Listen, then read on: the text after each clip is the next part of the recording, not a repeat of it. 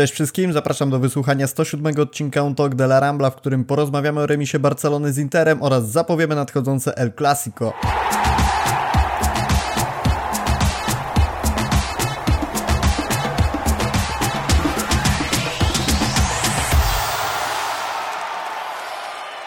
Maciej Miko jest dzisiaj ze mną, razem porozmawiamy sobie o tym, co wydarzyło się na Camp Nou w meczu przeciwko Interowi. 3 do 3 w meczu na szczycie meczu, który miał decydować o tym, jak Barcelona będzie usytuowana w grupie, czy wyjdzie z niej, czy z niej nie wyjdzie. Już teraz wiemy, że ta sytuacja będzie bardzo trudna, ale co do tego doprowadziło, o tym sobie porozmawiamy. Cześć Maciek, bardzo miło mi Cię słyszeć. Dzień dobry. I na początku, zanim przejdziemy do wszystkich kwestii związanych ze strategią na ten mecz, z taktyką, tym jak Xavi poustawiał swój zespół, co zadziałało, co nie, to musimy wspomnieć o 92 302 kibicach którzy zagościli tego wieczoru na Camp Nou. Naprawdę fenomenalna frekwencja, super zachowanie przed stadionem. Coś, co osoby, które były na miejscu, mówiły, że jest rzadko spotykane. Wiemy, że kibicowanie w Hiszpanii ma trochę inny wymiar niż to, które jesteśmy e, zdolni oglądać, chociażby w meczach ekstraklasy. Oczywiście trochę bardziej agresywny wymiar tego kibicowania mamy tutaj pod nosem w naszej polskiej lidze, natomiast musimy docenić to, że Kibice Barcelony postarali się, przyjęli piłkarzy jak najlepiej potrafili. Piękne obrazki sprzed stadionu, piękne obrazki z trybun, natomiast to wszystko, mimo że musimy docenić, piłkarze być może docenili, ale nie odpowiedzieli na tyle dobrą grą, żeby wynagrodzić kibicom pójście na stadion tego wieczoru. E, przejdźmy sobie, Maciek, przez y, taki chronologiczny, myślę, układ tego, co się działo, to znaczy musimy zacząć od wyjściowego składu, bo dużo się mówiło o tym, że Xavi na ten mecz ma zupełnie inny plan niż na poprzednie mecze. Spodziewaliśmy się rotacji, wracał Frankie de Jong do kadry, myśleliśmy, że może trójka obrońców, może jakieś drastyczne zmiany, a tymczasem okazało się, że Xavi zdecydował się posłać do boju w zasadzie bardzo zbliżoną jedenastkę. Jak ty na to patrzysz? Czy spodziewałeś się właśnie zmian i czegoś zupełnie innego, czy spodziewałeś się z kolei, że Xavi będzie próbował zmienić taktykę, ale nie w obsadzie personalnej? Szczerze mówiąc, nie spodziewałem się wielkich e, zmian w jedenastce, czy to taktycznych, czy personalnych. Frankie de Jong co prawda rzeczywiście wracał e, do składu, natomiast trzeba pamiętać, że ani Frankie de Jong nie jest teoretycznie naszym podstawowym zawodnikiem, więc e, e, to, że on akurat zagra w tak ważnym meczu zaraz po urazie nie było dla mnie aż takie oczywiste, jak mogło się wydawać w internecie, zwłaszcza po opiniach niektórych kibiców czy też dziennikarzy. Jeżeli chodzi o sam skład, to wydaje mi się, że samo przestawienie Rafini i Dembele oraz y, wyjście z Pique, co było tak naprawdę podyktowane koniecznością bardziej niż y, wyborem, nie sprawiło, że uważałem, że te, do tego meczu podchodzimy y, w gorszej w sytuacji niż podchodziliśmy do niego w Mediolanie tak naprawdę. W Mediolanie zagraliśmy paradoksalnie lepszy mecz niż, niż wczoraj, mimo że mniej skuteczny i może mniej kreatywny, natomiast dużo bezpieczniejszy z tyłu. Jeżeli może jakieś jedno zastrzeżenie miałbym, to rzeczywiście, jeżeli tak naprawdę yy, chcieliśmy grać dużo dośrodkowań, albo przynajmniej mieć to w odwodzie yy, w sytuacji, kiedy gra środkiem nie szłaby za dobrze, a akurat to wczoraj w miarę dobrze wyglądało w pierwszej połowie, to wydaje mi się, że skoro już e, tworzymy taką sytuację, to tak naprawdę, czy nam się to podoba, czy nie, to do takiej gry na lewej stronie chyba byłby najlepszy tak naprawdę Alba, który nie dość, że ma najlepsze podanie, to też dodatkowo y, potrafił nam nieraz ukazywać, że też potrafi strzelić bardzo ładną bramkę, ale i też ważną bramkę. Więc jeżeli i tak wróciliśmy do składu całą, y, cała Amigos, no to wydaje mi się, że akurat w tym meczu Albę też mogliśmy spokojnie wrócić. Cała reszta układu, wydaje mi się, yy, była taka jak trzeba. A nie uważasz, że z Albą w składzie byłoby mimo wszystko za duże ryzyko na tej prawej stronie, jeżeli chodzi o defensywę i Marco Alonso nie jest jednak takim pewniejszym punktem pod kątem bronienia? No jak się okazało, nie bardzo, szczerze mówiąc. Marco Alonso popełniał masę błędów, y, czy to w prostych przyjęciach piłki, podaniach, wyprowadzeniach, obcinaniach się, ustawieniach. No, tak naprawdę Alonso też ma dośrodkowanie. Też wydaje mi się, że stawiamy jego nad Baldę nie dlatego, że, e, że on jest po prostu lepszy w tym momencie, czy bardziej przydatny, tylko dlatego, że raz, że ma doświadczenie oczywiście, a dwa, że potrafi dośrodkować, potrafi uderzyć. Jest to zawodnik, który prędzej zrobi różnicę pojedynczym zagraniem niż Baldę według mnie. E, zwłaszcza, że te rajdy Baldę to one teoretycznie w grze lewego e, czy to prawego obrońcy w naszej sytuacji e, mogą być najbardziej ryzykowne. A nie masz takiego wrażenia, że mimo wszystko Xavi trochę za mało zaryzykował, jeżeli chodzi o zmiany taktyczne, przynajmniej jeżeli mówimy o wyjściowej 11, bo ciągle mamy gdzieś to na papierze 4-3-3. Oczywiście to jest na papierze, bo wiemy, że Sergi Roberto zajmował zupełnie inną pozycję, zwłaszcza w fazie ataku niż ten prawy obrońca. Natomiast czy nie był to właśnie taki dobry mecz, żeby pokazać coś zupełnie innego, to znaczy na przykład zagrać na dwójkę z przodu, dajmy na to z lewym i z Fatim i wtedy po bokach, żeby wystąpił Dembele i Rafinha. Czy mimo wszystko Xavi nie był za bardzo przywiązany do tego swojego pomysłu i zabrakło takiej nutki szaleństwa? To znaczy nutki szaleństwa być może tak, ale nie wydaje mi się, że ułożenie przy dwójce napastników, czy wykorzystanie dwóch zawodników pierwszej linii w jedenastce to akurat jest e, e, to, czego powinniśmy oczekiwać cały czas stawiamy tą naszą grę na pojedynkach e, w bocznych strefach, jak najbliżej linii tak naprawdę.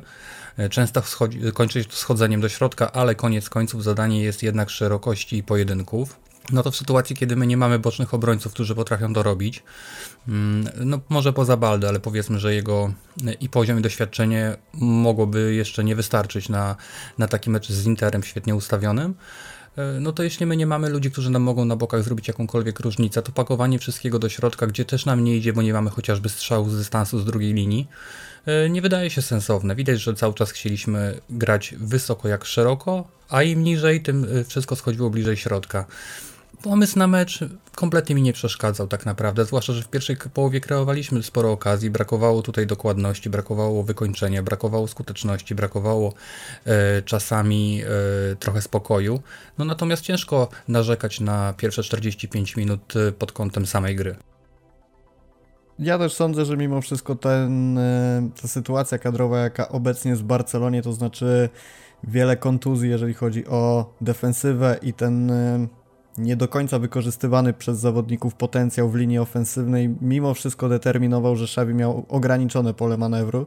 Tak naprawdę mogliśmy się spodziewać tego, co zobaczyliśmy. Trudno było oczekiwać, że w środku pola wyjdzie na przykład Kessi zamiast Busquetsa, czy zamiast Gaviego, czy Pedriego. No i rzeczywiście ta, ta kombinacja z przodu Dembele, Rafinha i lewy raczej oczywista i, i myślę, że Xavi tutaj mimo wszystko nie popełnił błędów. No tak jak powiedziałeś, kwestia tej lewej obrony, czy Marcos Alonso, czy Jordi Alba. E, być może Balde był jakimś rozwiązaniem, ale co do reszty wydaje mi się, że e, Xavi nie jest trenerem, który decydowałby się na jakieś takie bardzo właśnie drastyczne rotacje, a z drugiej strony mówię, ograniczone pole manewru, jeżeli chodzi o wystawienie jedenastki. Barcelona zagrała takie, można powiedzieć, dwie różne połowy, jeżeli chodzi o e, postawę na boisku, przede wszystkim patrząc na to tak bardzo e, całościowo. Pierwsza połowa, tak jak powiedziałeś, nie możemy na nią narzekać. Zakończyliśmy ją z wynikiem 1 do 0. I tak naprawdę myślę, że ta połowa pokazała, że Xavi wnioski po pierwszym meczu wyciągnął. Co o tym sądzisz? Xavi wyciągnął wnioski po pierwszym meczu z Interem. Niestety zabrakło yy, konsekwencji, żeby wyciągnąć wnioski po niedzielnym meczu z Celtą, gdzie również po zmianie stron oddaliśmy inicjatywy, dopuściliśmy do kilku groźnych sytuacji. Celta po prostu nie, nie ma tak dobrych zawodników z przodu czy, czy w środku pomocy, mm, żeby, żeby w ten sposób grać jak gra Inter. Nie ma też tak na, na tyle silnej linii defensywnej, żeby, e, żeby takie zagrożenia szybkiego ataku tworzyć z taką regularnością. E, natomiast jeżeli chodzi o samo nasze zachowanie w drugiej połowie, niestety powtórzyła się dokładnie ta sytuacja, która miała się nie powtórzyć i która była e, już ostrzeżeniem w niedzielę. Zaraz po przerwie tak naprawdę wychodzimy, próbujemy, przydarza się błąd. E, I nagle ta drużyna stoi, nagle ta drużyna odda inicjatywę, nagle jesteśmy znowu pogubieni, e, coraz więcej niedokładności. No a co najsmutniejsze w tym wszystkim, że już pomijając fakt, że błąd popełnia doświadczony zawodnik i, i tak naprawdę zawodnik, który powinien stanowić o sile tej defensywy niezależnie od formy, a przynajmniej o jej e, skutecznej e, obronie całej formacji. To on ją powinien kierować. Mm, niestety drugi lider e, naszej drużyny, który już można powiedzieć, że jest takim prawdziwym liderem, jest naszym kapitanem, e, zachowuje się dokładnie tak samo. Nie wiem, czy to zależy od jakiegoś przygotowania mentalnego, czy to jest przygotowanie fizyczne, czy to jest jakieś połączenie, czy to jest już jakaś skaza na charakterze, skaza w głowie, która powoduje, że e, w trudnej sytuacji ci zawodnicy po prostu popełniają taką masę e, błędów. Natomiast no, to niestety e, nadal w tej grze występuje, niezależnie od tego, kto jest naszym trenerem, kto gra w tej drużynie, to, to, to wszystko wygląda tak samo. No, tak jak można wziąć szybko pod uwagę to, że tak naprawdę te wszystkie kłopoty nasze zaczęły się od momentu, kiedy, y, kiedy tak zwani amigos musieli wejść mocniej do jedenastki i Pique i Sergi Roberto, no bo Busquets oczywiście w niej cały czas jest, no ale prawda jest taka, że niezależnie od tego, y, jak oceniamy grę pojedynczą, zespołową i tak dalej, no to pozostaje faktem, że odkąd oni wrócili do składu, do gry, no to ta gra po prostu przestała wyglądać. Właśnie jestem ciekawy, jak ty na to patrzysz, co tak y, moglibyśmy pierwszoplanowo wyróżnić jako Chciałem powiedzieć klęskę Barcelony, natomiast no wiemy, że pod względem wyniku jest to remis, ale musimy to jednak rozpatrywać w kontekście takiej porażki, patrząc całościowo na to, co dzieje się w grupie. Czy takim kluczowym czynnikiem były kontuzje zawodników, którzy zostali ściągnięci do Barcelony, żeby decydować o sile obrony? Mam na myśli Kunde Christensena, do tego ta kontuzja Araujo, który jak wiadomo byłby prawdopodobnie na jakieś 99% zawodnikiem do wyjściowej jedenastki. Czy mimo wszystko to, że Barcelona jeszcze całościowo nie jest gotowa na to, żeby rywalizować z drużynami pokroju Interu, no bo co byśmy nie mówili, jest to drużyna klasy światowej, wielka europejska marka. Czy mimo wszystko nie chodzi o ten aspekt sportowy, tylko o mentalny? Czyli w skrócie, e, aspekt mentalny, kontuzje czy jakość sportowa? Poniekąd wszystko po trochu. Wiadomo było od początku tego sezonu, że Czawi zamierza grać e, z zawodnikami doświadczonymi jak najmniej. Właściwie oni nie grali w ogóle, dopóki nie musieli. Poza Busquetsem właściwie i Macem to żaden zawodnik yy, starej gwardii Barcelony na boisku się po prostu we wrześniu nie pojawiał i na początku i w drugiej połowie sierpnia.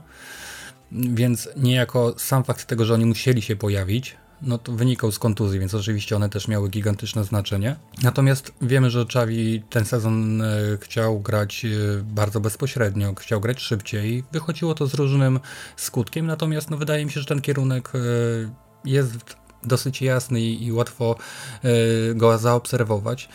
No natomiast kiedy wypada mu e, taki kunde chociażby, który jest u nas bardzo krótko, ale widać było jak ważny był elementem tej układanki, właśnie za te swoje rajdy, za grę bezpośrednią, za szybką organizację każdego e, ataku. Przecież on zebrał chyba dwie albo trzy asysty już. Jedno, jedną długim podaniem, jedną z główki w polu karnym, czyli tworzy zagrożenie i spoza pola karnego, e, daleko od, e, tak naprawdę od atakowanego pola karnego i w czasie wykonywania stałych fragmentów gry, więc jest on, nie, wiadomo, że jest bardzo ważny. No a Rauch oczywiście to jest, no co tu dużo gadać, to jest po prostu obrońca, który nam łatał nieraz e, każdą dziurę i wydaje mi się, że takie trzy bramki jak wczoraj padały, to, to przynajmniej dwie z nich by nie padły.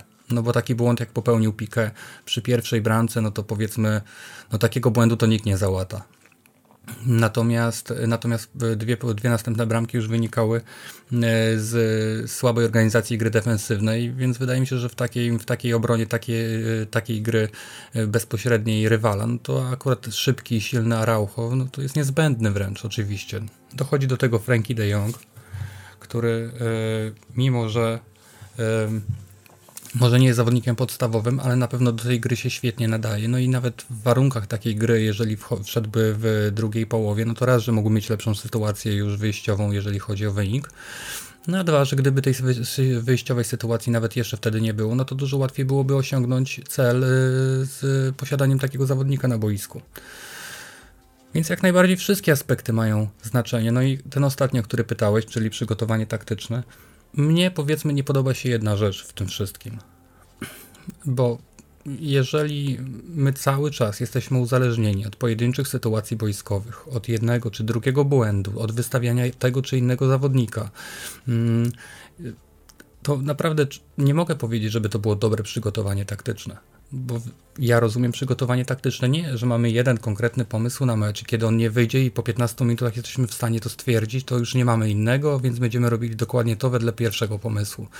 Przygotowanie taktyczne to powinny być warianty na różne okoliczności. Tego, że właśnie stracimy głupio bramkę, tego, że, że drużyna się zamuruje, albo że będzie grała w szybkim ataku, albo że będzie chciała przejąć jednak kontrolę, bo uzna, że lepiej się broni atakując, co jest też logiczne często.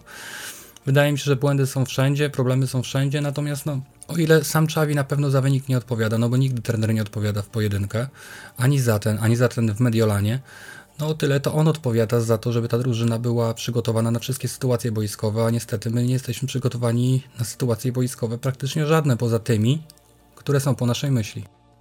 A widzisz taki moment w tym meczu rewanżowym z Interem, gdzie można było się zorientować, że pomysł Szabiego nie do końca działa i należy coś zmienić, bo ja mam takie odczucie, że mimo wszystko te błędy, które popełniła Barcelona, były na tyle, ta, tak mocno indywidualne i jednocześnie na tyle późno przydarzyły się te straty bramki, że trudno było tak e, stricte taktycznie na to reagować i że to już w końcówce meczu było granie bardzo chaotyczne, trochę bez pomysłu, natomiast nie widzę takiej sytuacji, że na przykład wrzucamy na boisko Ansu Fatiego na taką i taką pozycję i on robi robotę, bo Xavi ma taki plan. Raczej to już było granie, powiedzmy, trochę na aferę, żeby odrobić i nie jestem przekonany, że jakaś myśl taktyczna mogłaby to zmienić. To znaczy, to też y, dosyć duże znaczenie y, ma, y, powiedziałbym, taka zwykła odwaga możemy zobaczyć sobie, no do pierwszej bramki, no to wiadomo, to, to, ta połowa trwała tak krótko, że żeby uniknąć akurat tego gola, no to nie trzeba było przeprowadzać żadnej zmiany, ani taktycznej, ani personalnej,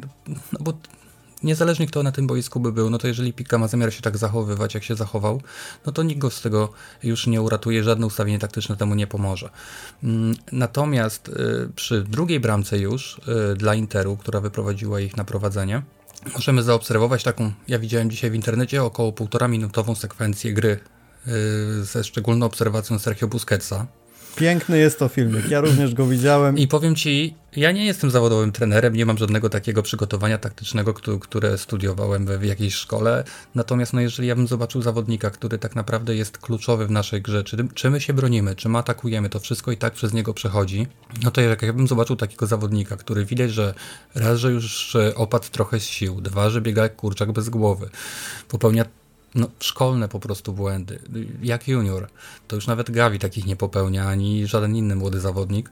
No to według mnie to jest idealny sygnał, żeby po prostu y, takiego zawodnika ściągnąć, y, gdyż on nie daje nam teraz nic w tej drużynie. Nie wiem, jaki jest cel posiadania Busquetsa, kiedy my potrzebujemy bramki, jak mam być szczery. Y, zwłaszcza kiedy ona często jest, y, ta bramka jest szukana dośrodkowaniami. I o ile on grał fantastycznie w pierwszej połowie i w ogóle nie można było się do niczego właściwie przyczepić, nawet bramka, która została strzelona przez Barcelonę była tak naprawdę fajnie rozegrana. Od razu się przypomniał ten mecz z Atletico, bo cała e, na jednej stronie zrobiono kilka podań, e, robiono ruch, skupiono całą sytuację na tej lewej stronie, potem szybkie podanie do prawej, jakieś tam wymiany, ktoś tam powalczył o piłkę, i udało się tą stronę otworzyć mm, e, dzięki bardzo dobremu wejściu Sergiego Roberto. To jest akurat warto zaznaczyć, że bardzo ładnie tutaj pomógł Rafini się i się yy, uwolnił przed to pole karne. Natomiast, no tak jak mówię, jeżeli to widzimy, jeżeli widzimy, że Pique nie jest w stanie dobiec, a gramy tak naprawdę 11, dziesiątką na połowie rywala i zostawiamy samego Pique, którego nawet jakby rozpoczął ten mecz dopiero, nawet jakby był po dwutygodniowym wypoczynku na wakacjach, to on takiego Lautaro nigdy nie dogoni, no to zaczynam się zastanawiać, jaki jest sens posiadania wtedy pikę na boisku, kiedy my próbujemy zaatakować, yy, w ogóle nie bronimy się pozycyjnie, yy, właściwie trzymamy piłkę 90% czasu na połowie rywala, a zostawiamy pikę, żeby biegał yy, na przykład za Lautaro, który jest od niego trzy razy szybszy, no to jaki jest sens? To mówię, to są takie rzeczy bardziej przygotowanie fizyczne, motoryczne. No jeżeli mamy sytuację, w której musimy walczyć, no to musimy mieć kogoś, kto ma siłę walczyć. No a jeżeli Pique i Busquets nie mieli siły walczyć już od pierwszej minuty drugiej połowy, no to jaki jest cel posiadania ich na boisku? Ja tylko dodam, o co dokładnie chodziło w tym filmiku, którym, o którym mówisz. Było to nagranie z podświetlonym Busquetsem na boisku i pokazanie w jakich e, strefach boiska poruszał się e, i było ewidentnie widać, jak bardzo spóźniony jest za akcją. Takie dwa, trzy tempa, e, nie nadąża za piłką, nie kryje dobrze zawodników w konsekwencji tego nie tylko otwierają się strefy, ale widać jak Gavi czy Pedri muszą asekurować jego pozycję. No co, coś pięknego, żeby zobaczyć jak, e, jak Busquets się zachowywał przed stratą tej drugiej bramki i też co pokazuje w zasadzie uświadamia, jak bardzo ten zawodnik momentami już nie dojeżdża, bo czasami na boisku tego nie widać, bo widzimy, że on się przemieszcza i w pewnym momencie na przykład Barcelona odbiera piłkę. Nie ma z tego żadnych konsekwencji. Natomiast rzeczywiście, jeżeli ta konsekwencja się pojawi i odwiniemy sobie o taką minutkę ten filmik do tyłu, ewidentnie widać, jak Busquets e, nie daje już rady motorycznie. Oczywiście to jest nadal zawodnik, który ma świetną wizję gry i tego mu nie odbierzemy. Natomiast w pewnych momentach, tak jak mówisz, gdzie, de, gdzie ma być decydująca motoryka, to ja uważam, że śmiało Xavi mógł dużo wcześniej Frankiego de Jonga wpuszczać na boisko, który spisał się znakomicie i uważam, że napędzanie tych akcji przez niego, to jak wielokrotnie wychodził z, z własnej połowy uciekał od, od pressingu, bardzo jasno pokazało, jaka jest różnica między nim a, a Busquetsem, ale no też znowu nie gloryfikujmy Frankiego, bo wiemy, że, że i on miał mecze słabsze. E, powiedziałeś na początku naszej rozmowy, że jedną z decyzji, którą postanowił podjąć Xavi względem tego pierwszego meczu jest odwrócenie pozycji Dembele i Rafini. Rafinha zagrał na prawej stronie, Dembele zagrał na lewej stronie. E, bramka dla Barcelony ta pierwsza pokazała ewidentnie, że była to poniekąd dobra decyzja, bo Rafinha w bardzo heroiczny sposób uzyskał piłkę, potem tak jak też wspomniałeś, e, podanie do Roberto, który wyłożył piłkę do Dembele, Dembele goli, wydawać by się mogło, że tu wszystko zagrało tak jak powinno, ale tak patrząc przez pryzmat 90 minut, e, czy też trochę, trochę krótszego czasu, bo wiemy, że Rafinha został zmieniony w pewnym momencie meczu, uważasz, że możemy pozytywnie ocenić naszych skrzydłowych, bo ja spotkałem się z bardzo wieloma opiniami, ale pozytywnych względem Rafini było, nie wiem, może jedna, ale raczej nie, a względem Dembele ponownie. Próbował, był dobry, ale nadal jeździec bez głowy i w zasadzie na jego konto ląduje bramka jako największy pozytyw oczywiście. To znaczy, wiesz, jeśli ja mam wybierać między zawodnikiem, który jest bardziej inteligentny zwyczajnie, jakim jest Rafinha względem Dembele, który dodatkowo naprawdę ma dobre uderzenie z dystansu. Wczoraj brakowało mu delikatnie tu, tu 15 cm, tu 30 i tak dalej. Jest, nadal były to strzały oczywiście niecelne, ale pamiętajmy, że Dembele z reguły wybija te strzały e, w górną partię trybun. E, więc myślę, że jest też może taki mały problem w tym, że Rafinha e, bardzo potrzebuje jakichś punktów więc on też dużo siłował, strzałów, yy, bardzo dużo takich nieprzygotowanych dośrodkowań, yy, dochodzących do bramki, więc ja zawsze dużo bardziej lubię, kiedy są takie dośrodkowania, bo tam nawet przypadkiem można coś strącić do bramki, niż takie odchodzące, czy nawet wzdłuż pola karnego. Natomiast y, y, z drugiej strony Dembele po tej lewej stronie nie bardzo istniał, szczerze mówiąc, i nie wchodził dużo w pojedynki. Nawet gdy nie wchodził, to raczej dosyć łatwo się zatrzymywał na nich. Akurat mm, y, po tamtej stronie stał Skriniar z, z Defrajem, więc oni się troszeczkę zmieniali. Raz jeden stał w środku, raz drugi. Zależy kto, komu się najbardziej nie chciał w tym momencie wychodzić za Lewandowskim.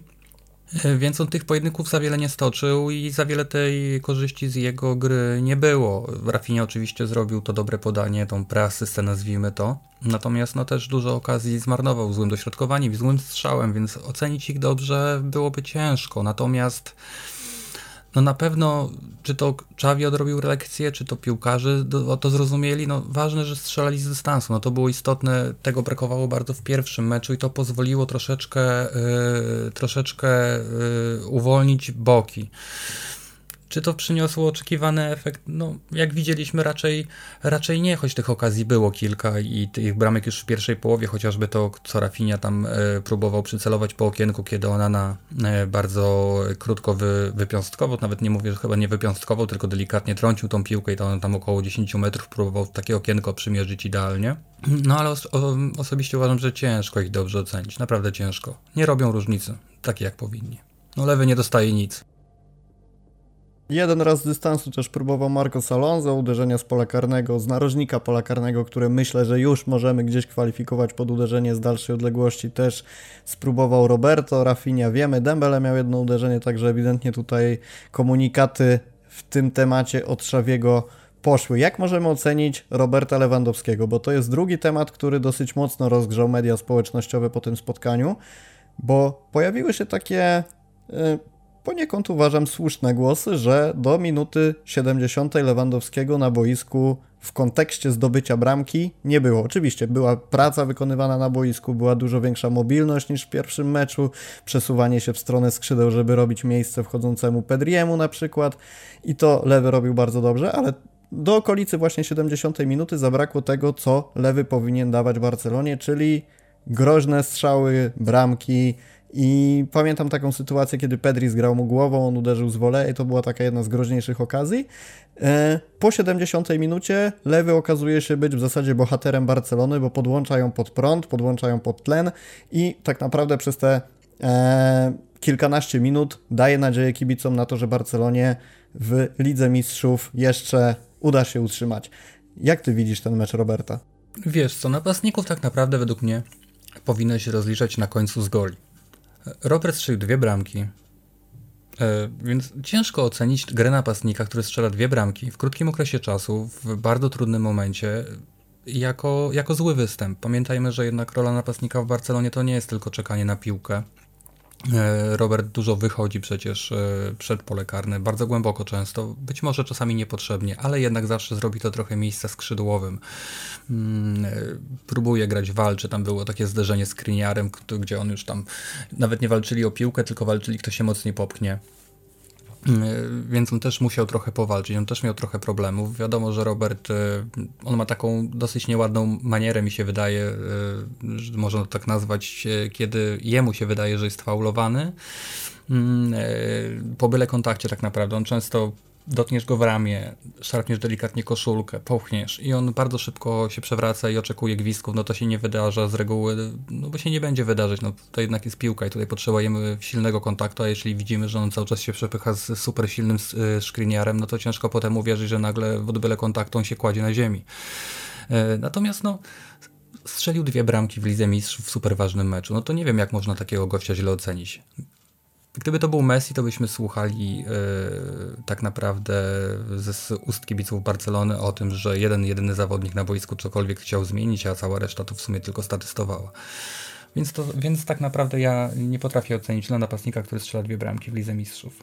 I to dwie bramki tak naprawdę, które, które naprawdę są fajne, no bo powiedzmy o ile ten strzał po rykoszecie, tutaj dużo szczęścia było ogólnie i przy otrzymaniu piłki i przy samym strzale o tyle ta główka, to powiem Ci, że to jest jedna chyba z najładniejszych e, strzałów głową, jakie widziałem ostatnio. No, idealne wyjście w górę, idealne uderzenie, mocno, nie do wyjęcia dla bramkarza, super bramka.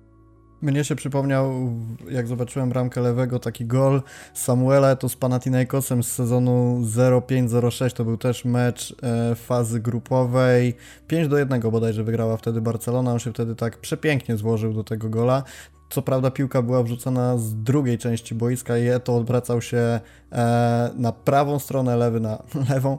E, natomiast no, rzeczywiście bardzo ładny, bardzo ładny gol. A co do tego, że przy pierwszej bramce miał farta i to jest pełna zgoda z tym, że gdyby nie ten rykoszet, to sytuacja mogłaby się zakończyć zupełnie inaczej.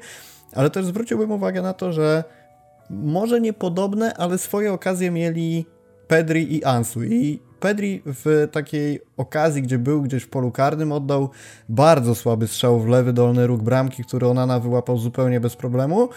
A sytuacja, o której myślę w kontekście Ansu, była w momencie, kiedy wydaje mi się, że Pedri podawał mu piłkę i Ansu mając myślę, całkiem niezłą okazję strzelecką do wykończenia lewą nogą gdzieś po długim słupku. Zdecydował się piłkę wycofać w stronę własnej bramki takim driblingiem, być może chcąc się uwolnić od, od obrońców. Natomiast było ewidentnie widać, że są to zawodnicy, którzy nie mają takiego właśnie genu do tego, żeby bramki zdobywać. No, być może Ansu go ma, ale gdzieś on tam jest uśpiony chwilowo przez te kontuzje i powroty po urazach. I to jest właśnie super w lewym, że on w tym momencie, mimo że, że ta piłka poszła po rykoszecie, mimo że gdzieś tam się odbiła i tak dalej, i tak dalej, to jednak trafiła do siatki. To jest coś, co, co, coś, co on potrafi zagwarantować. I, I mnie się wydaje, że mimo tego, że gdzieś tam fart i tak dalej, i że do 70 minuty e, być może było go trochę mniej, to mimo wszystko całościowo MVP tego spotkania, jeżeli chodzi o, e, o Barcelonę. Jeszcze pytanie o Sergiego Roberto, jeżeli rozmawiamy sobie o takich. E, pojedynczych zawodnikach, nie oceniając drużyny całościowo. Widzieliśmy, co zrobił z Xavi. Tak jak na początku wspomnieliśmy, 4-3-3 na papierze, ale Roberto grał bardzo wysoko, e, bardzo blisko pola karnego rywala, czasami wręcz ustawiając się wewnątrz szesnastki, e, ewidentnie bliżej środka, nie grając przy linii bocznej. E, jak oceniasz Roberto jako zawodnika na tej pozycji? Bo z jednej strony ja ciągle mam wrażenie, że to nie jest piłkarz, który Barcelonie cokolwiek zagwarantuje, ale jednak czy oceniłbym go jakoś bardzo negatywnie za to spotkanie z Interem, to też myślę, że nie. Ja to bardziej staram się ocenić e, z poziomu struktury całego zespołu. A kiedy my znajdujemy się w sytuacji, w której mamy spakowany Inter przez e, długi okres czasu, czy po prostu dużymi fragmentami spakowany i to dosłownie 6-3-1 spakowane. Mm, I kiedy my niejako wyciągamy kogoś, kto powinien być blisko linii i wpychamy go bliżej środka. Ja wiem, że to jest pomysł Czawiego, który właściwie towarzyszy mu od dosłownie pierwszych dni, czy tam od momentu, kiedy dostał Alwesza. E, I też w fazie defensywnej nie bardzo to działało, w fazie ofensywnej lepiej oczywiście. E, o tyle wydaje mi się, że my sami sobie tworzymy trochę taki kłopot, e, bo jeżeli nasz rywal stoi w polu karnym w sześciu zawodników, my sami stoimy w tym polu karnym, dajmy na to w dwóch albo w trzech. Blisko pola karnego jest dwóch skrzydłowych. 30 metrów od pola karnego jest Busquets. Obok stoi już Sergi Roberto, który próbuje tam wbiegać. No my tworzymy na jakimś kwadracie 30 metrów kwadratowych, my tworzymy 15, y, 15 zawodników na przykład układamy z dwóch drużyn, a potem próbujemy kombinacyjnie albo dośrodkowaniem pokonać mm, te wszystkie linie, y, które nas dzielą od bramki. Ja rozumiem, że to jest fajny pomysł na stworzenie przewag w posiadaniu. Zresztą te przewagi Czawi próbował tworzyć przeróżne sposoby, bo my tak naprawdę wczoraj w wielu fazach nie graliśmy 3-4-3, 4-4-3, cokolwiek, tylko my graliśmy tak naprawdę w wielu fragmentach coś na kształt 3-1, 5-1 tak naprawdę, że, gdzie Lewandowski miał być tym takim napastnikiem, a ta linia pomocy potrafiła się rozciągać po całej długości pola karnego. I to jest generalnie fajny zamysł. Podoba mi się takie, e, takie rozwiązanie, gdzie ci boczni skrzydłowi mogą być naprawdę bardzo szeroko, e, bo to miejsce między napastnikiem a właśnie skrzydłowym zastąpi jakiś pomocnik, ewentualnie obrońca, który w roli takiego pomocnika e, występuje. Tak się stało właśnie przy bramce strzelonej na 1-0. Szeroko Rafinha dał do wchodzącego ze środka Roberto coś, co teoretycznie byłoby w normalnym ułożeniu rolą Gaviego, który daje wzdłuż pola karnego i wbiegający Dembele po prostu kopie do pustej. I wtedy to działa super, tylko w sytuacji, kiedy nam to wszystko tak się pięknie nie układa, zwłaszcza, że my wcale nie tworzyliśmy takich możliwości na, e, e, przewag, e, gdzie skupialiśmy grę po jednej stronie, a przerzucaliśmy ją na drugą, tak jak w tej sytuacji. E, to wydaje mi się, że to rozwiązanie jest o tyle męczące, że po prostu raz, że dochodzi jeszcze jeden zawodnik do obiegu piłki, co dodatkowo wydłuża całą akcję. Jest to dodatkowy zawodnik, który na przykład nie umie strzelić z dystansu. E, zawodnik, który w pole karne raczej nie wejdzie. No tutaj wszedł rzeczywiście, ale, no, ale jest to wyjątkowa sytuacja, jedna w tym meczu praktycznie. Mm, to zastanawiam się nad sensownością e, takiego rozwiązania, zwłaszcza właśnie z takim rywalem, który przy każdej okazji próbuje oddać piłkę do boku. To bardzo pięknie pokazała sytuacja, w której jak Czawi ściągnął Roberto, to Inzaghi od razu rozszerzył skrzydło. Momentalnie. Momentalnie po prostu przeszedł na wahadłowych, takich prawdziwych wahadłowych, którzy mieli stać szeroko, bo Barcelona została zupełnie bez boków obrony w tym momencie. Czego efektem była bramka na, e, na 3-2 Robina Kosensa, który po prostu sobie wbiegł. E, w tej strefie nie było nikogo. Frank Kessie, ja powiem Ci szczerze, jestem załamany, bo o ile zdawałem sobie sprawę, że Frank Kessie będzie miał duże problemy, żeby utrzymać e, poziom techniczny, taktyczny, e, o tyle sądziłem, że tą przewagę fizyczności nad wieloma naszymi zawodnikami będzie umiał wykorzystać właśnie w tych fazach odbioru, w fazach defensywnych, wtedy, kiedy trzeba podgonić. A tu niestety mamy sytuację, w której w takim naprawdę kluczowej fazie meczu, gdzie wychodzi jeden Lautaro, jest i Piqué, już go Ferenki zaczął tego pikę asekurować na wszelki wypadek. Już widać, że Gavi jest coraz bliżej, ale Kessie, któremu zaczyna Robin Gosens uciekać 60 metrów od naszej bramki, rzuca na niego okiem i zaczyna za nim biec, ale już biegnie w tak wolnym tempie, bez żadnego zaangażowania, że ten Gosens po prostu dobiega i strzela bramkę. Więc jakby i znowu tam zabrakło zawodnika. I teraz ja nie mogę czasami zrozumieć, czy naprawdę, jeśli my wszystkich 10 zawodników wstawimy 30, 35, 40 metrów od bramki rywala, gdzie już jest cały rywal i wszystko zamkniemy w jednej strefie, no to chyba to jest dosyć logiczne, że opcje na znalezienie wolnej przestrzeni są naprawdę bardzo, bardzo malutkie. No i to się nie udaje oczywiście. Potem dośrodkowujemy, idzie kontra, mecz się kończy. W kwestii Kessiego to ktoś dobrze napisał, że on może okazać się albo drugim Jają Ture, albo drugim Aleksem Songiem i póki co to zdecydowanie bliżej mu wersji do Songa. Ja jestem szczerze rozczarowany, bo pamiętam jego mecze w presezonie, kiedy dyskutowaliśmy wielokrotnie na e, tematy, czy on będzie dobrą postacią, żeby zastąpić Frankiego de Jonga i po jednym jego występie miałem takie wrażenie, że rzeczywiście prezentuje na tyle wysoką jakość, że on nie, nie będzie piłkarzem lepszym niż De Jong, ale nawet przy słabej dyspozycji De Jonga, którą notował w poprzednich sezonach, zmiana na Kessiego nie spowoduje, że ta degradacja jakości w środku pola będzie aż tak bardzo widoczna, bo mimo wszystko ja doceniam to, co De Jong robi na boisku i jestem daleki od krytykowania go wszemi wobec, bo to takie trochę modne się zrobiło.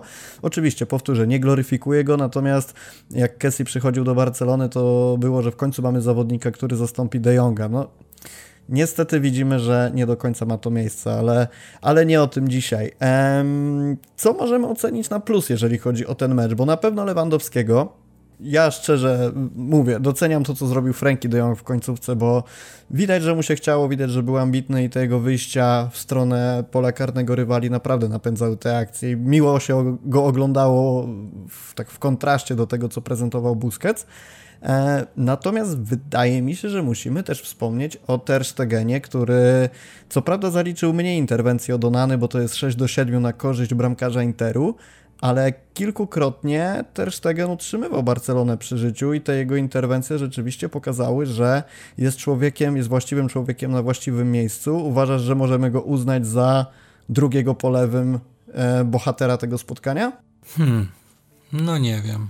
Nie wiem, czy można uznać za bohatera spotkania bramkarza, który puszcza trzy bramki, niezależnie od tego, czy zawinił w ich wpuszczeniu, czy nie zawinił. Mm, na pewno nie można go w żaden sposób źle ocenić za utratę tych bramek, ale czy też za jakiegoś bohatera? No, no nie, no, no. Czy ten mecz może mieć jakichkolwiek bohaterów przegra no, przegrany? E, mecz, który nie, nie zakończył się oczekiwanym rezultatem. No ciężko tu szukać bohaterów w meczu, który po prostu no, zawaliliśmy, co tu dużo gadać. No na pewno, na pewno lewy, znaczy lewy. No nie wiem, powiem ci szczerze, ja bym tutaj nikogo nie wyróżnił. No aż mi, nawet jak się bardzo staram, to nawet, ale nawet Frankiego bym nie wyróżnił, no bo co on takiego zrobił? On zrobił dokładnie to, co robi zawsze. No to, to nie, nie, nie możemy wyróżniać zawodników za wykonywanie swoich zadań podstawowych.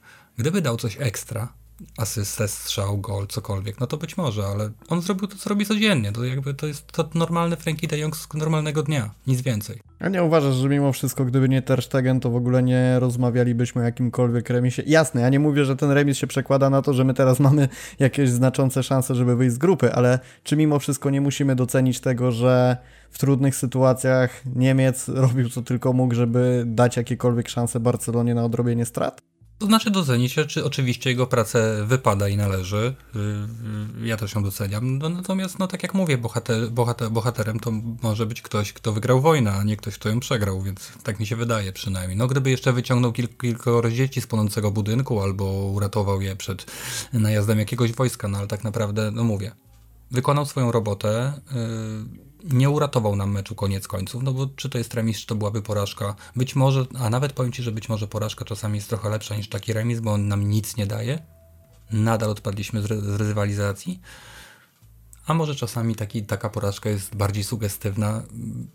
Cały dzień dzisiaj czytam o tym, że tak naprawdę to przecież wcale nie było źle, to był całkiem udany mecz. No oczywiście winni są tylko ci, którzy popełnili błędy i tak dalej, więc może wiesz, może jednak dużo bardziej sugestywne dla, dla nas wszystkich byłaby porażka w takim meczu, na którą zapracowaliśmy tak naprawdę. Też musimy oddać to, że Wspominamy cały czas o tej dobrej pierwszej połowie, ale gdyby tam Jacko nie trafił w poprzeczkę, tylko ta piłka wpadłaby do bramki, to zupełnie inaczej cały mecz by się ułożył. No Dumfries też miał jeden na jeden. Dokładnie, brakowało naprawdę niewiele. No, nie da się ukryć, że o ile w ofensywie Barcelona spisywała się nieźle, to cały czas mimo y, braku bramek do, do tej 50 minuty, kiedy Nicolo Barella doprowadził do remisu, to cały czas ta defensywa wyglądała na taką mocno niepewną. Ale XG Inter miał wyższy od naszego. I wiesz co, wizualnie wydaje mi się, że tak to wyglądało. Nie, nie sprawdzałem tych XG rzeczywiście, natomiast... No tam chyba było, było 2,5 Interu i 2,4 Barcelony.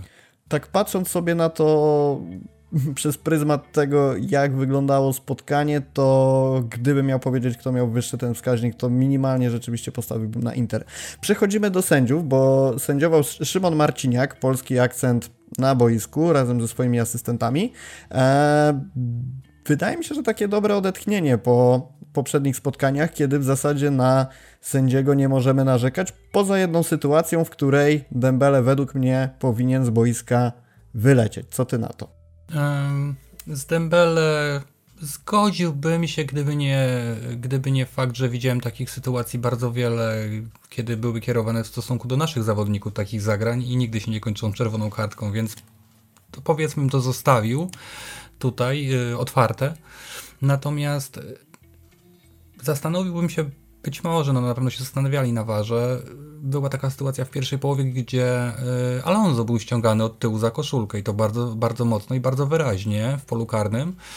No, no ale też z reguły sędziowie takich rzeczy nie gwiżdżą, wiedzą, że piłkarze tam sporo do, od siebie dodają. Nie podobała mi się jedna rzecz. Nie podobała mi się taka sytuacja, y, gdzie Szymon Marciniak kompletnie nie reagował na grę na czas w pierwszej połowie. To jest coś, co według mnie y, zawsze zależy tylko i wyłącznie od sędziów.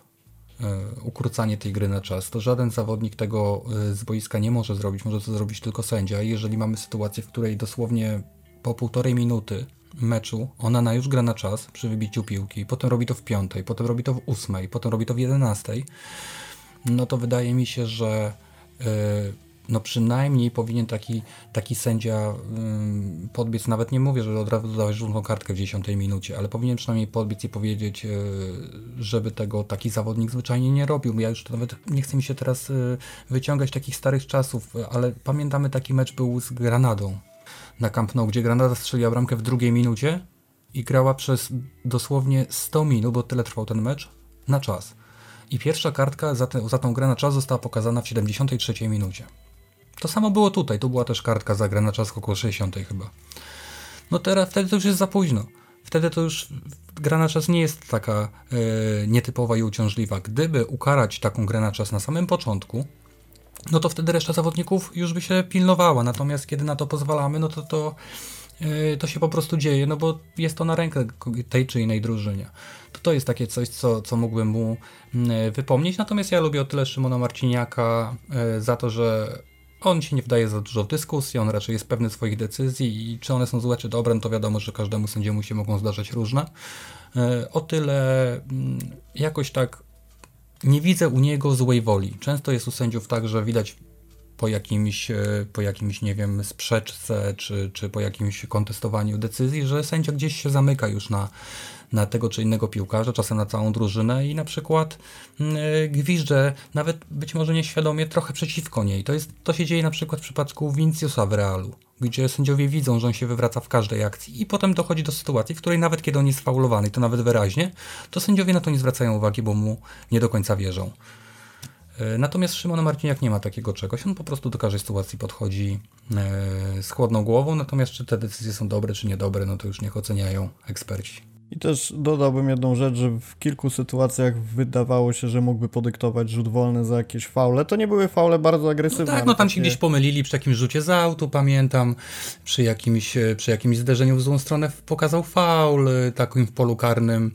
Była taka sytuacja w polu karnym, gdzie, gdzie zupełnie nie było żadnego kontaktu, tam się wywrócił jeden z zawodników Interu i on na przykład gwiznął e, faul chyba Gawiego wtedy, a tak naprawdę nie było żadnego kontaktu, można było tą akcję e, kontynuować. No ale to nie są błędy, które gdzieś zaważają na wyniku. Tak, tak. Właśnie chciałem powiedzieć, że ja nawet nie rozpatruję tego w kontekście błędów, tylko tego, że w niektórych momentach mógł podyktować faul, bo była gdzieś gra na styku, natomiast on to puszczał i to bardzo fajnie było widać, jak to przekłada się na płynność gry i, i w momencie, kiedy już ja miałem takie odczucie, że za chwilę będzie rzut wolny, gwizdek i te kilka sekund drużyna jedna i druga straci na ustawieniu piłki, na wykonaniu tego i, i cała akcja straci na dynamice, to gra się toczyła dalej. To, to na plus, że właśnie nie dyktował takich bardzo bardzo miękkich fauli. To, to mi się podobało akurat.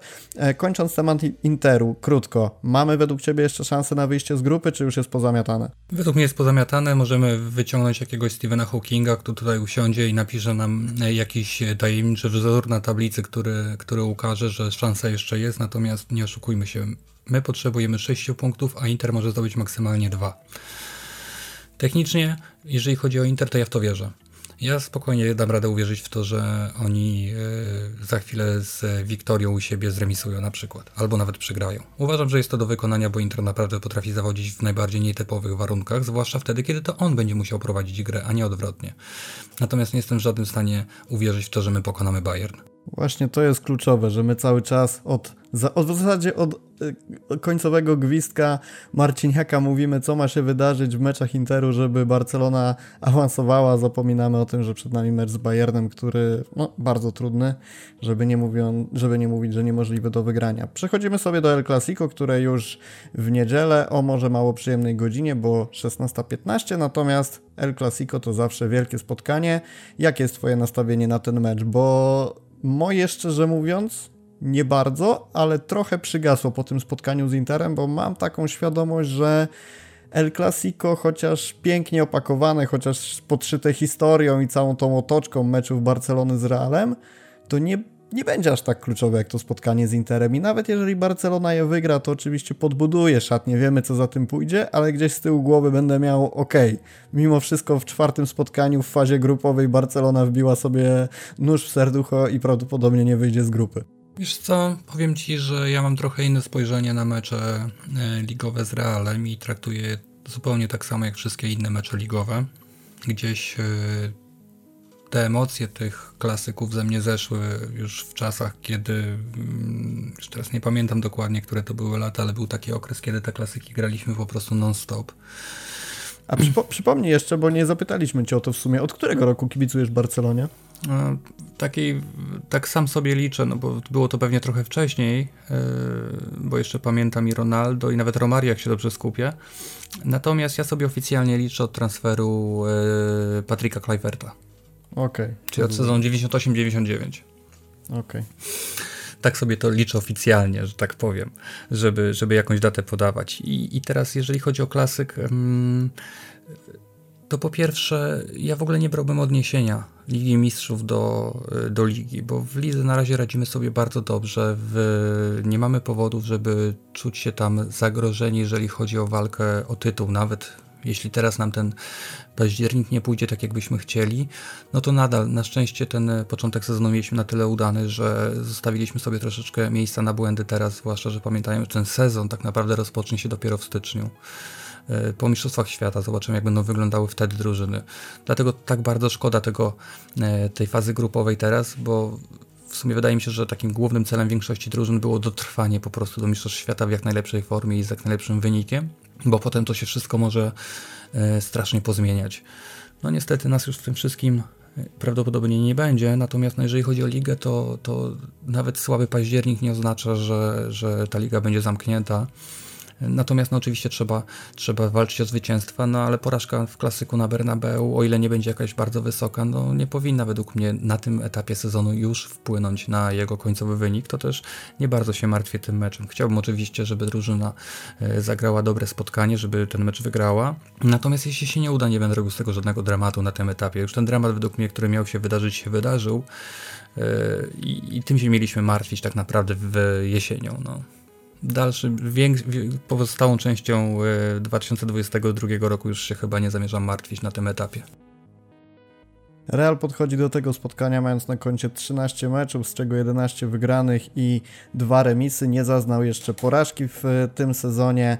7 wygranych w ramach meczów ligowych, remis z Osasuną, 15 do 7 w golach i czyste konto wyłącznie w meczu z Hetafe. Barcelona z kolei 12 rozegranych meczów w tym sezonie, 8 wygranych, 2, 2 remisy i 2 porażki.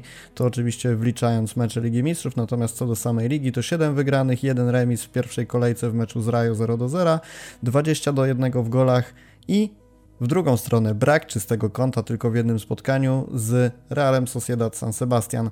Myślisz, że to może być kluczowe, jeżeli chodzi o ten nadchodzący klasyk, że po pierwsze w bramce prawdopodobnie zabraknie e, Thibaut Courtois, a Real bramki, jak pokazał ten sezon, lubi tracić, a z drugiej strony mamy Ter Stegena w znakomitej formie i może osłabioną defensywę, ale mimo wszystko defensywę, która bramek w lidze nie traci. Wiesz co, no pewnie, że tak. Wydaje mi się, że przede wszystkim strata Courtois jest niesamowicie bolesna.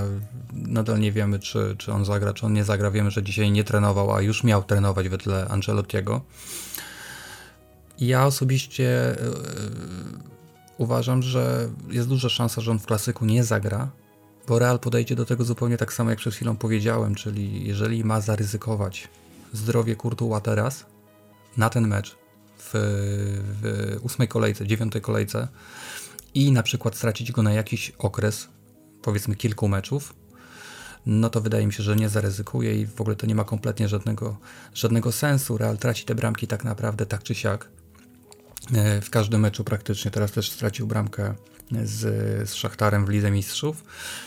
Mm, e, Rudiger zakładam, że, że będzie, ale czy będzie grał od pierwszej minuty, no to już inna para kaloszy. Zwłaszcza, że on w, w Realu do tej pory, no Miał, miał kilka wpadek, no chociażby bramka, którą Real stracił z Almerią, gdzie, gdzie nie przypilnował zupełnie swojej, e, swojego zawodnika, to trochę taki, trochę taki błąd typu pikę właśnie. No, bardzo się martwię bardziej, co my zrobimy, żeby zatrzymać Winiego i Valverde, no ale to już powiedzmy są kłopoty tak naprawdę każdej drużyny, która się z Realem musi, musi mierzyć. No mam nadzieję, że, że Kunde Mm, będzie gotowy do gry i że zagra od pierwszej minuty, no bo tutaj jeżeli mamy gdzieś ryzykować e, takie występy zaraz po urazach, no to wydaje mi się, że w takich meczach, e, bo o ile wynik sam w sobie nie jest taki istotny w tym momencie dla samej ligi, o tyle psychologicznie na przykład wysoka porażka albo, albo powiedzmy dosyć prosta porażka, bez walki, no może rzeczywiście tą drużynę e, pogrzebać na najbliższe tygodnia, jednak jeśli miałbym na przykład wybrać wygraną z Realem, E, ale porażkę w następnych dwóch meczach z Villarreal i z Atletikiem, e, albo porażkę z Realem i wygraną w dwóch meczach, no to zawsze wybieram wygraną w dwóch meczach, więc to są tylko trzy punkty tak naprawdę, o ile e, wiadomo, że emocjonalnie jesteśmy związani z tym meczem i z tą rywalizacją o tyle, no to są tylko trzy punkty.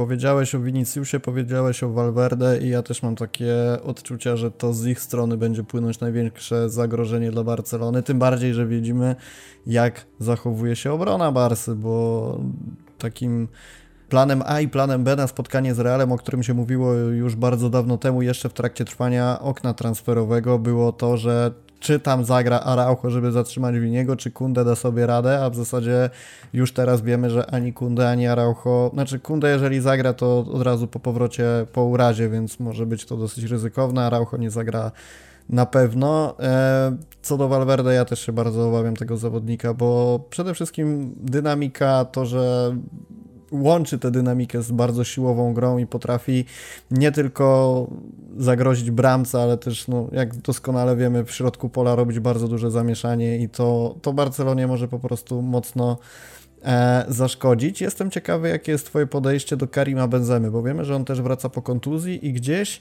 mówi się o tym, że zatracił taką swoją pierwszoplanową postać w szeregach e, Carlo Ancelottiego.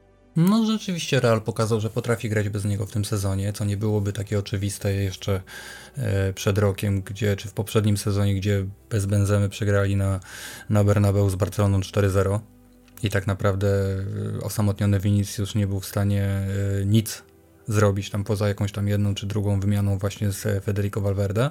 Natomiast no nie zapominajmy, że to jest to zawodnik z niesamowitą jakością i tak naprawdę to, że on y, w ostatnim czasie jest mniej skuteczny, że dochodzi do mniejszej ilości okazji, że jest troszeczkę fizycznie styrany mam wrażenie, bo, bo porusza się też inaczej i nie ma takiego y, ruchu z zębem, nie ma tego ruchu wyprzedzającego, często go trochę brakuje przy szybkim wyprowadzeniu ataku, natomiast natomiast no, to jest nadal zawodnik, który jeśli dostanie dobrą piłkę, czy to na, e, na głowę, czy to na nogę, czy będzie musiał zagrać na krótko z kimś, no to to jest zawodnik, który e, jak będzie miał nam zrobić kuku, to nam zrobi kuku i czy on jest w formie, czy nie jest w formie, nie będzie miało kompletnie żadnego znaczenia. Pamiętajmy, że niestety Real prezentuje tą formę gry, która nam najbardziej nie odpowiada, która bardzo zbliżona jest do tego, co pokazywał Inter na, na Camp Nou wczoraj czyli będzie, będą się dobrze bronić. Oczywiście popełnić zawsze mogą błąd, natomiast ogólnie bronią się dobrze.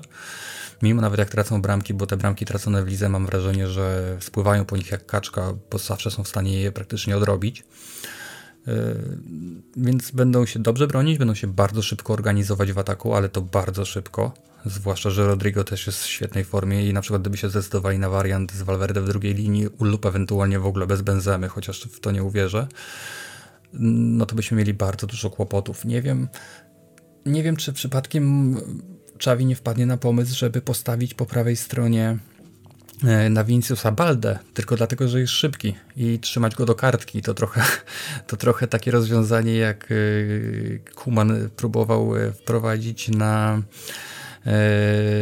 w meczu w rewanżowym z PSG po tej porażce na, na Camp Nou 4-1, gdzie Firpo zagrał po prawej stronie i radził sobie z Mbappé bardzo dobrze na przykład. Mm, więc może tutaj nie postawimy na zawodnika, który gra świetnie w piłkę albo jest jakimś e, e, tytanem ustawienia czy, czy, czy interwencji, tylko po prostu zawodnika szybkiego, który będzie maksymalnie utrudniał mu grę. Żeby nie pozostawać gołosłownym co do tego, jak Real odrabia tę sytuację, te stracone bramki, to w pięciu meczach miało to miejsce w tym sezonie ligowym i znaczy odrabianie, niekoniecznie odrabianie strat y, na zasadzie, że przegrywali, bo e, przegrywali z Almerią 0 do 1 i wyprowadzili na 2 do 1 i przegrywali z Majorką 0 do 1 i wyprowadzili na 4 do 1, ale poza tym były trzy takie sytuacje, że remisowali, był remis bramkowy 1 do 1 z Celtą, ze Spaniolem i z Betisem i wyprowadzali kolejno na 4 do 1 z Celtą, ze Spaniolem 3 do 1 i 2 do 1 z Betisem. Do tego dochodzi ten mecz z Szachtarem, który z 0-1 e, przerodził się w ostatniej minucie na 1 do 1 i z kolei Barcelona, przez to, że bramek w lidze w zasadzie nie traci, bo to jest tylko jeden gol stracony z e, Realem Sociedad. I to taki gol w sumie, który można powiedzieć, że to bardziej Eric Garcia strzelił e, Aleksandrem Isakiem niż, niż sam Isak strzelił tego gola. Tak, natomiast pokazuje to, że. Bo finalnie mecz się zakończył wynikiem 4 do 1, natomiast to jest duża siła Realu, właśnie od to, co powiedziałeś, że oni potrafią, mimo straconych bramek, mimo tego, że im do końca na boisku nie idzie, spotkania wygrywać. I ja mam wrażenie, że to może być właśnie kluczowe w kontekście spotkania z Barceloną, bo możemy rozmawiać o taktykach, możemy rozmawiać o tym, jak Xavi poustawia zespół, jak to zrobi Carlo Ancelotti, Natomiast na koniec dnia, czy kluczowe nie okaże się właśnie to nastawienie, że Barcelona, nawet jeżeli wygrywa mecz 2-0, to my nie mamy takiej pewności, że ten wynik zostanie dowieziony do końca i większa pewność wygranej jest, jeżeli Real na przykład przegrywa 0-1 i oczekujemy tylko tych kolejnych bramek. Natomiast e, poświęćmy sobie chwilę temu, co Barcelona może zaproponować, żeby ten mecz rzeczywiście wygrać, bo przypominamy sobie ostatni klasyk, kiedy też podchodziliśmy do niego w takich niekoniecznie optymistycznych nastrojach, a fenomenalna gra Yanga przede wszystkim doprowadziła do tego, że Barca 4 do 0 wygrała. I po tym wszystkim, co widzimy przez pryzmat meczów z Interem, przez to, co pokazała Barcelona w pojedynczym meczu z Bayernem, czy też w innych spotkaniach ligowych, czy nie uważasz, że my podchodząc do tego meczu możemy liczyć na to, że e, ten jeden, jedyny plan, czyli gol Lewandowskiego wypali, albo nie będziemy mieć więcej argumentów? To znaczy, na pewno musimy mieć z tyłu głowy to, że Real ma dokładnie to, czego Barcelonie najbardziej brakuje, czyli, czyli w trudnej sytuacji Real gra lepiej yy, niż w sytuacji prostej. Real jest drużyną, która bardzo dobrze wygląda pod presją, czyli dokładnie odwrotność Barcelony. Barcelona natomiast bardzo dobrze wygląda, kiedy tej presji nie ma. I z jednej strony można powiedzieć, że na Barcelonie jest teraz duża presja, z racji odpadnięcia z Ligi Mistrzów kibice oczekują wyniku, chcieliby szybko dostać jakiś, e, jakiś, jakieś wynagrodzenie za, za ten stracony czas, za stracony czas na meczach z Interem. Natomiast e, mamy tą jedną malutką przewagę, powiedziałbym psychologiczną, a to taką, że to my jesteśmy liderem, czego też dawno nie było. To znaczy, że jakikolwiek wynik remisowy sprawi, że my nadal pozostaniemy na pozycji lidera. Jest to też taki punkt, który niekoniecznie nas obliguje do jakiegoś hura atakowania. Bo w poprzednich meczach, wszystkich meczach z Realem Madryt cały czas do nich mieliśmy jakąś stratę, albo do kogoś innego. Te punkty były nam niezbędne. No teraz jesteśmy w sytuacji, w której remis sprawia, że nadal jesteśmy liderem i nadal nikt nas nie przeskoczy. Więc to jest taki mały, mały plus psychologiczny, że to trochę musi, że to Real jest na musiku trochę bardziej niż my. No i Real, który też ma swoje przeróżne E, przeróżne kłopoty. Dlatego ja bym do tego meczu podszedł naprawdę na, w miarę możliwości na spokojnie, nie, nie rzucać się na Real, zwłaszcza, że Real się na nas rzuci na pewno. Każdy wie, że pierwsze 50 minut pierwszej, drugiej połowy Barcelony to jest moment, który trzeba przycisnąć. Ale po tym, po tym początkowym okresie, którego Real na pewno nie odpuści, bo, bo działa tak od zawsze, w meczach z Barceloną, yy, kiedy to wszystko będzie się stabilizować, pewnie po 15 minucie około, to wydaje mi się, że powinniśmy podejść do tego meczu bardzo spokojnie, bardzo dokładnie, yy, pilnować każdego podania, nie robić żadnych ryzykownych przerzutów, co też nam kompletnie nie wychodzi. No Pika wczoraj miał ze dwa albo trzy takie przerzuty, zresztą Busquets tak samo, które nawet nie są blisko, one w ogóle trafiały bezpośrednio na klatkę piersiową yy, zawodnika Interu. No, Real tego nie przepuści, Real tego nie, nie podaruje takiego e, grania przez środek na przykład. Jeśli Real będzie taki Chouameni, czy, czy nie wiem, czy zagra e, Kamavinga, czy to będzie Cross, czy to będzie ktokolwiek inny w środkowej strefie, no to oni jednym zagraniem są w stanie uruchomić akcję, którą my potrafimy tworzyć pół godziny, więc spotkałem się z takim komentarzem, że dobrym rozwiązaniem dla Realu byłoby, gdyby oddali Barcelonie piłkę i pozwolili jej grać tak długo jak to możliwe, bo byłoby w zasadzie z dużą dozą prawdopodobieństwa e, pewne, że Real jest w stanie się na tyle dobrze zamurować, że powtórzyłaby się sytuacja z Interem. E, nie uważasz, że to jest po pierwsze dobry pomysł pod kątem taktycznym, jeżeli chodzi o Ancelottiego, a po drugie zły pomysł pod tym względem, że grają mimo wszystko na własnym stadionie. Oddawanie piłki Barcelonie na Bernabeu mogłoby być źle postrzegane przez kibiców. To, że się kibice Realu będą przejmować tym, czy oni piłkę posiadają, czy nie posiadają, według mnie e, nie będzie na pewno dla Carlo, czy dla całej drużyny e, elementem, który zdecyduje o tym, jak zagrają. Real oddaje piłkę każdemu tak naprawdę, e, bo tak dla nich e, jest najwygodniej, czy jeżeli oni odda potrafią oddawać piłkę, nie wiem, ligowym średniakom tylko po to, żeby ich szybko skontrolować albo e, przejąć tą piłkę gdzieś wysoko, no to tym bardziej oddanie jej Barcelonie jest jak najbardziej sensowne z tym małym, z tym małym, z tą małą gwiazdką, że jednak no obecnie w Barcelonie jednak też jest jakość że oczywiście my mamy, mówimy teraz po meczu, w którym, e, w którym straciliśmy mm, szansę na awans do fazy grup e, Pucharowej Ligi Mistrzów, natomiast no, przecież to nie oznacza, że jeżeli Rafinha, e, czy nawet Dembele, czy Lewandowski, czy Pedri nagle dostanie dobrą piłkę, że jej po prostu nie skończy, więc oni też nie mogą się aż tak wyluzować pod tym kątem.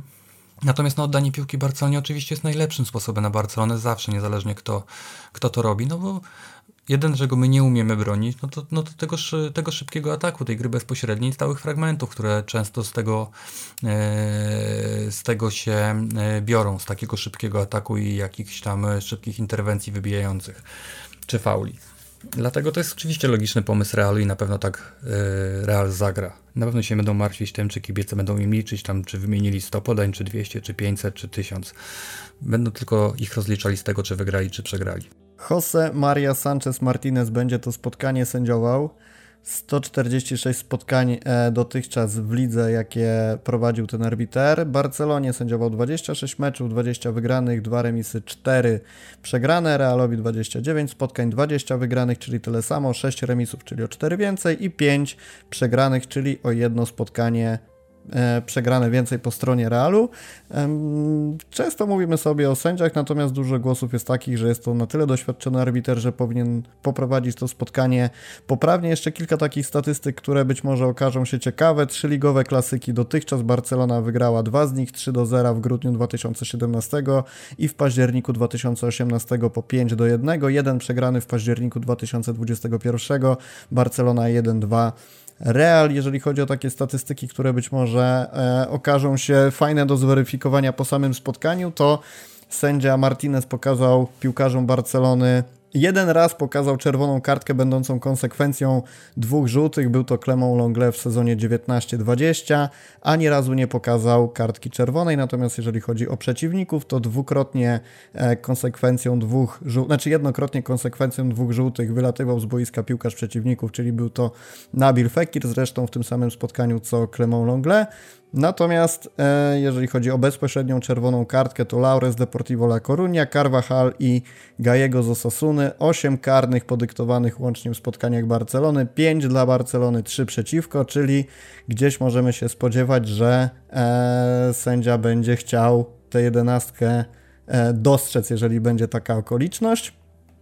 E, co do Realu, ani razu nie podyktował, ani razu nie e, pokazał czerwonej kartki będącej konsekwencją dwóch żółtych ani dla piłkarza Realu, ani dla piłkarza przeciwników. Jeden raz pokazał e, czerwoną dla Kangina Lee, dwukrotnie pokazywał bezpośrednią czerwoną dla piłkarzy Realu, Kowaciciowi i Carvajalowi. Jeżeli chodzi o karne, to pięć karnych, łącznie trzy dla Realu, dwa przeciwko Realowi. Co ciekawe, jeden, e, jeden z tych karnych był w meczu właśnie z Barceloną, kiedy Carvajal bardzo ładnie takim siatkarskim zagraniem wybijał piłkę z linii. Wówczas e, gola na karnego, e, karnego na gola zamienił Leo Messi, tam czerwona kartka dla Carvajala. Mm. Chciałem tylko dorzucić, że akurat sędzia Sanchez Martinez jest mi dobrze znany i ja go akurat wspominam najbardziej z tej kampanii Copa del Rey z sezonu 2021, gdzie tak naprawdę tam e, Antoine Griezmann nam e, robił robotę, bo on był sędzią i meczu z Granadą y, który skończył się 5-4 po dogrywce. Zresztą tam spodyktował bardzo absurdalnego karnego dla Granady na 3-3, jak się nie mylę, w dogrywce już, w pierwszej połowie dogrywki.